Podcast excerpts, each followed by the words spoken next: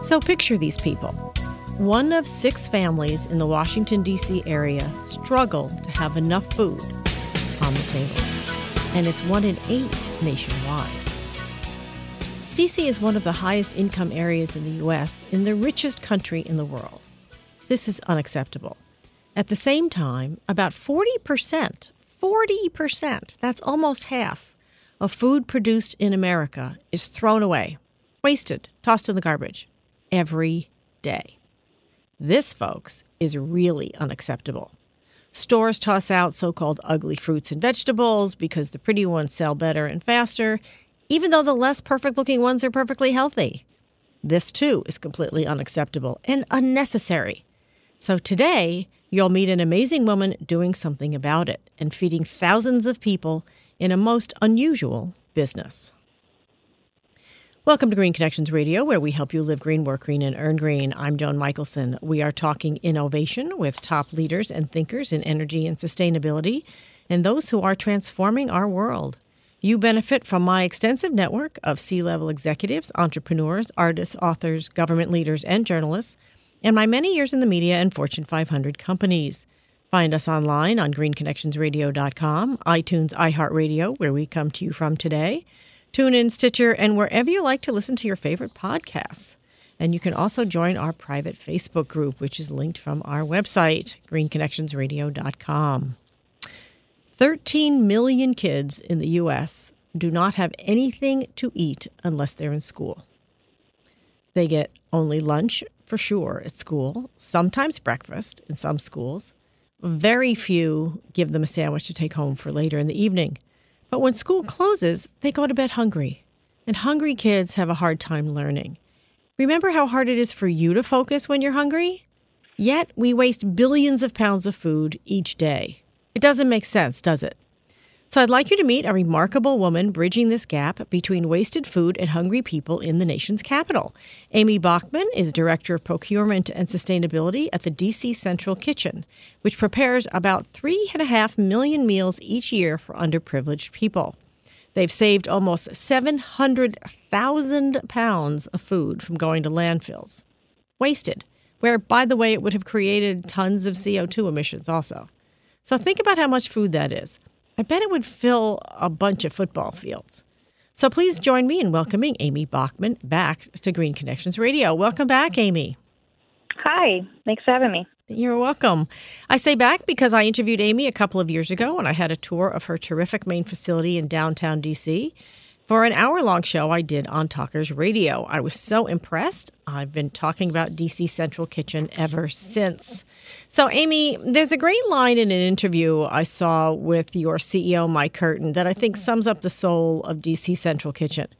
He said, and I quote, We find value in taking what's been pushed to the side, whether that's food or people or equipment that's not being used, unquote. So let's start by having you explain that line. Sure. So it really speaks to you know the different aspects of the kitchen. So every day at the kitchen, we're you know we're covering food that otherwise would get thrown out all across the city in the DC area and bringing that to a central kitchen where we're using that to prepare meals to go out to area shelters.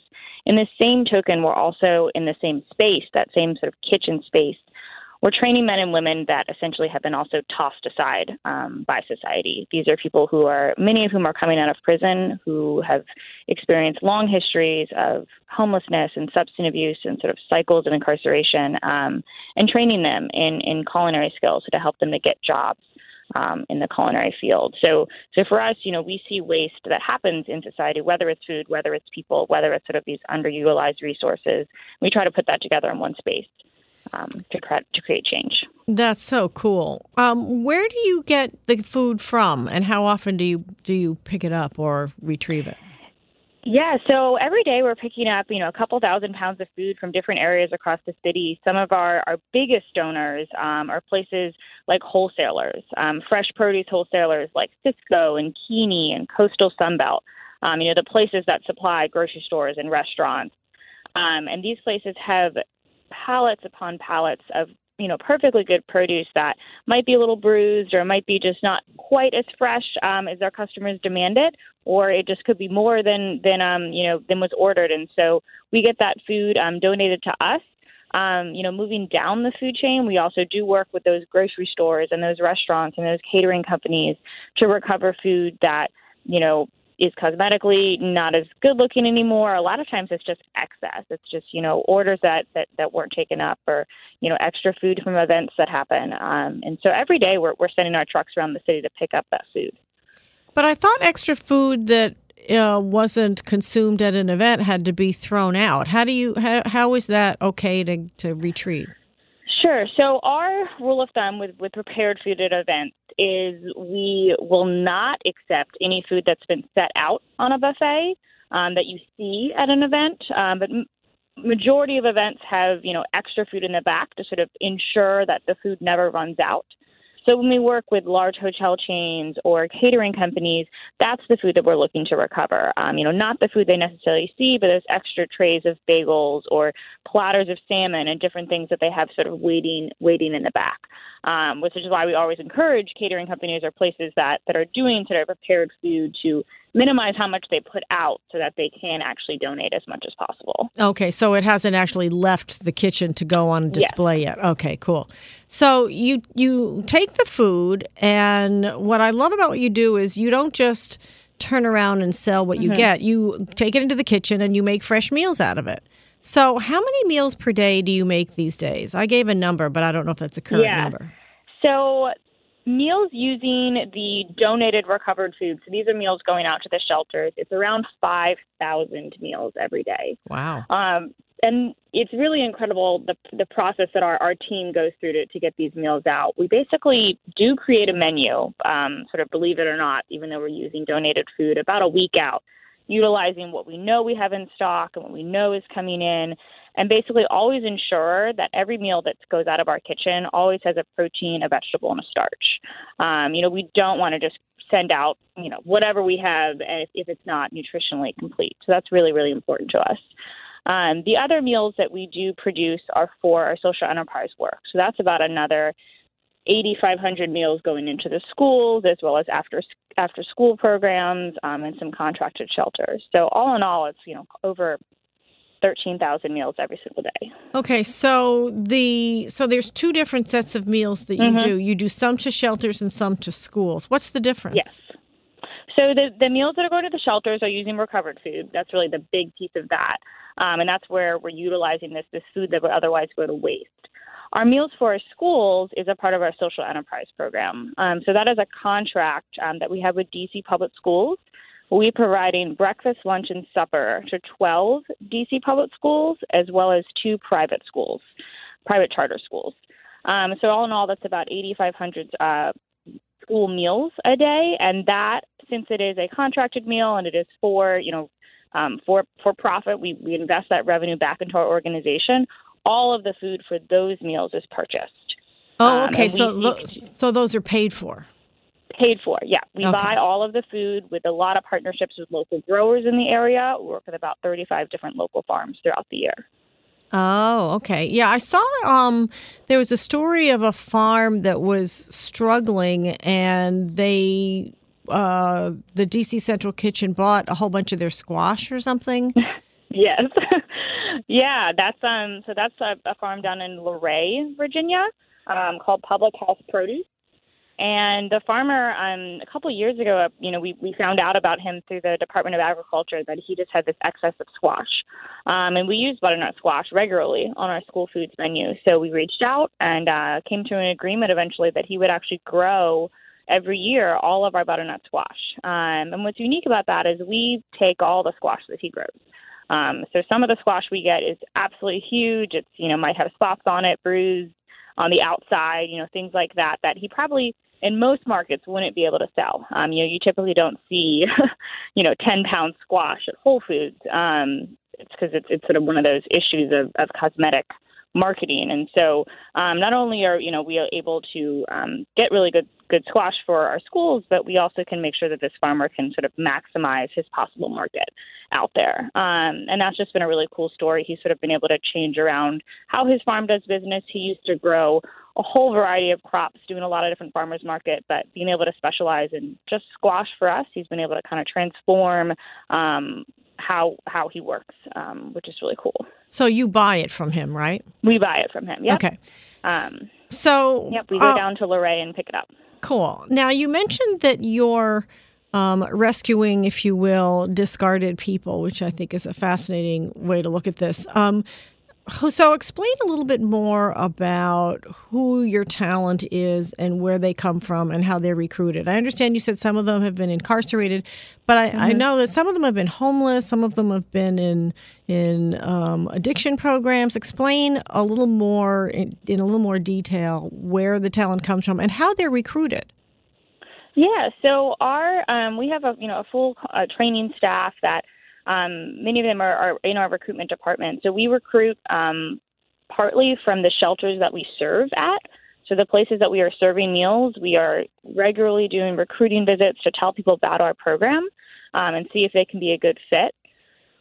Since we do seek to work with um, people who are reentry citizens, you know, coming out of the prison system, we do work heavily with parole officers as well as the area jails to you know, make sure that um, people who are coming back um, into society, some after many, many years, um, can can really link up with a program that's going to work for them. Um, I believe the recidivism rate um, nationally is somewhere around 60 percent.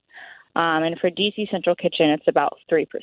Wow. Uh, for students have gone through our program. So we really sort of see the value in what we're doing in terms of um, helping to sort of stop that cycle of um, you know generational incarceration. Well, I mean, it, um, it, it, makes sense to me because you're giving them purpose, you're giving them skills, you're giving them a job, you're giving mm-hmm. them dignity. Um, I presume eventually they they have someplace to live that's stable. Um, so yes, we have a we have a social worker on staff as well that helps to sort of you know sort out those sort of more um, intangible difficulties of housing and childcare and things that you know everybody deals with, but someone who, who's coming back you know, into society and needs to get all of those things in place. Um, before a job can really stick. Mm-hmm.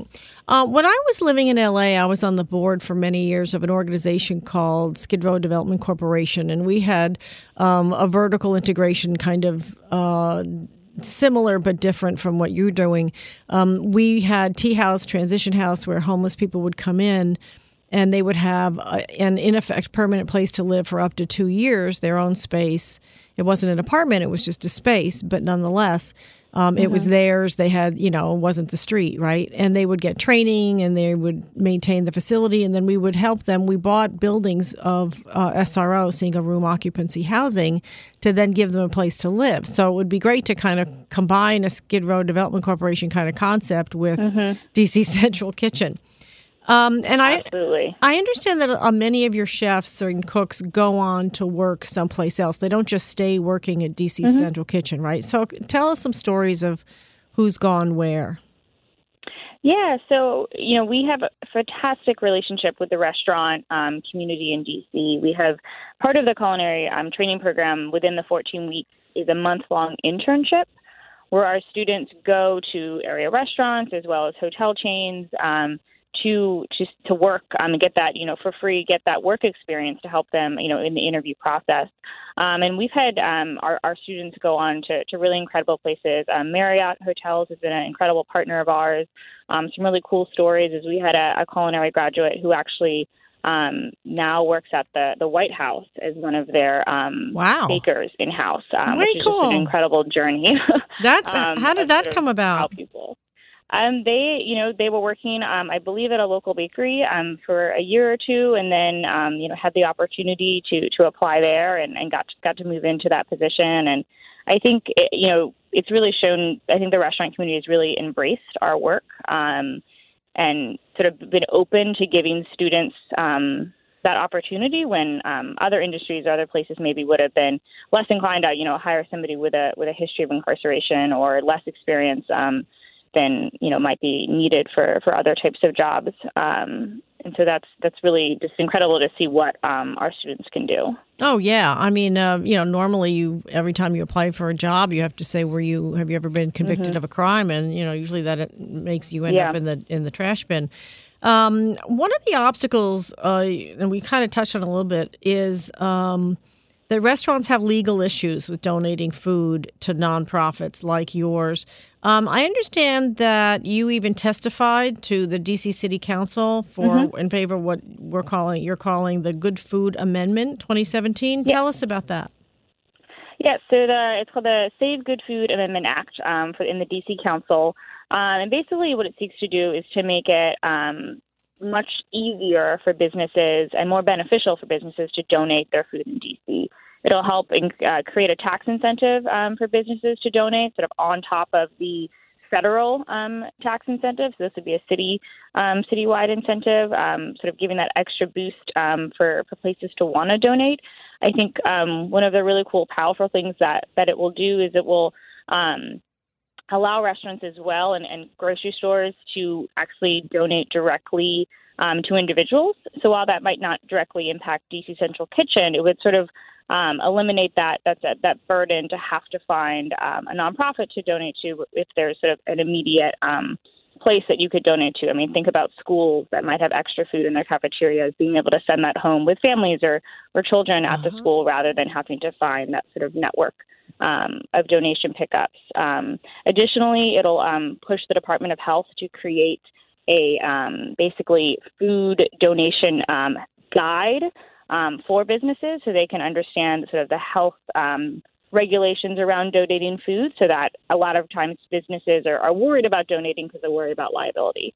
and this guide would sort of solidify sort of what they would need to do to ensure that they were um, properly following protocol. Hmm. Are you doing this in Maryland and Virginia also? Um, so we recover food from some places in Maryland Virginia, um, particularly Maryland. Um, a lot of the major wholesalers and distribution sites are in Jessup, Maryland. So we do recover um, in both states. Um, from different sources. Um, majority of our, our partners are in the DC in DC proper, but um, we do go outside state lines. Okay, so if one of our listeners manages or runs a restaurant, I mean, I've uh, my my um, niece's boyfriend, for example, is a restaurant manager, but not in this area.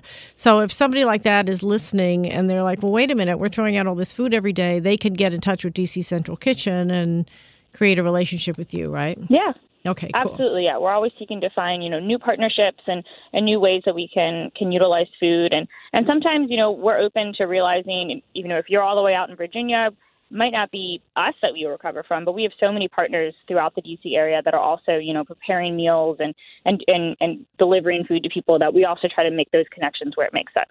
Oh, cool. Are you still part of the Campus Kitchens chain? Yes, absolutely. So the Campus Kitchens is our national network. Um, and we're at about close to 60 um, colleges, universities, and high schools across the country.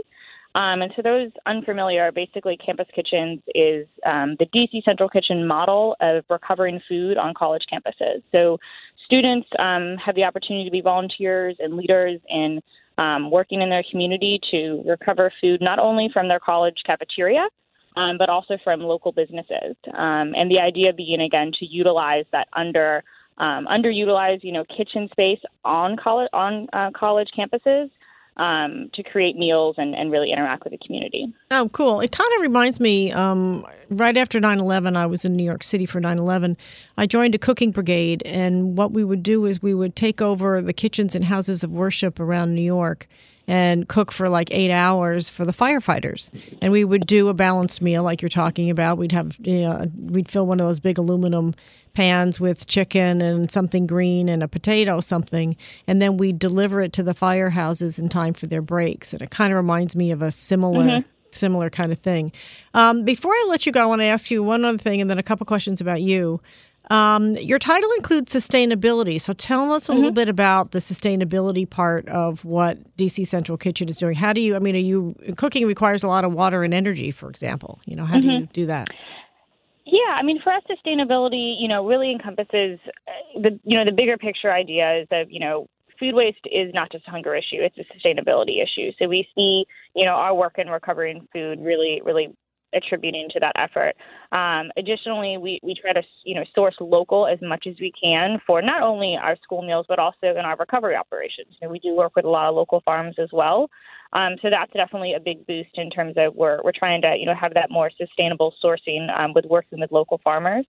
Um, but we're constantly, you know, we're constantly finding other ways that we can be more sustainable, whether it's using compostable materials in our in our school meals, um, you know, making sure we can, um, you know, utilize better ways to dispose of any waste that we have. Um, so it's, you know, we're working towards, you know, finding better ways to, to do sustainability efforts, and that's a lot of sort of what my role is, is moving towards are your trucks hybrid or do they run on any kind of alternative fuel or are they just traditional? I don't believe we've gotten there yet, um, but we would love to. Um, I think that's one of those instances where if we could find a good partner that could help us, um, you know, to purchase one of those vehicles or support that technology, I think that would be an incredible, you know, direction for us to be able to go. Okay, reach out to me. I have an idea for you. Great. Um, so before I let you go, um, how did you get to DC Central Kitchen in the first place? so my story is a, a, bit long. Starts almost ten years ago. Um, so I was actually a student at a college that had a campus kitchen. Um, I went to Wake Forest University in North Carolina, and so I just got involved as a volunteer, um, as somebody who liked to cook and wanted, you know, a way to be involved in the community. And so I I just started doing that, and then heard about DC Central Kitchen. And I'm from the DC area, so I actually ended up coming um, to DC for a summer internship, um, the summer of 2008. Um, and so I worked in the development department and just learned a lot, and you know got to meet Robert Egger and just got really inspired by the mission of of what we do. And so I stayed in touch with the national staff through college and ended up actually um, after I graduated doing a year of AmeriCorps Vista, um, hmm. which is like a year long service program. Um, and I worked at a campus kitchen um, at Johns Hopkins in Baltimore. Um, and then about a year and a half later is when I started at DC Central Kitchen. So I've I've stayed very close um, to the to the organization um, and have just you know loved it ever since. You're kind of a founding mother. It sounds like. yeah, I've I've stayed I've stayed close by, but I think it actually really cool about the kitchen is a lot of our young staff um, have histories of volunteering at campus kitchens in college. Um, I'm definitely not unique in having that background, um, which I think is just really exciting and cool to think that um, there's this leadership program out there that really is developing like our next our ge- next generation's you know social innovators. Cool.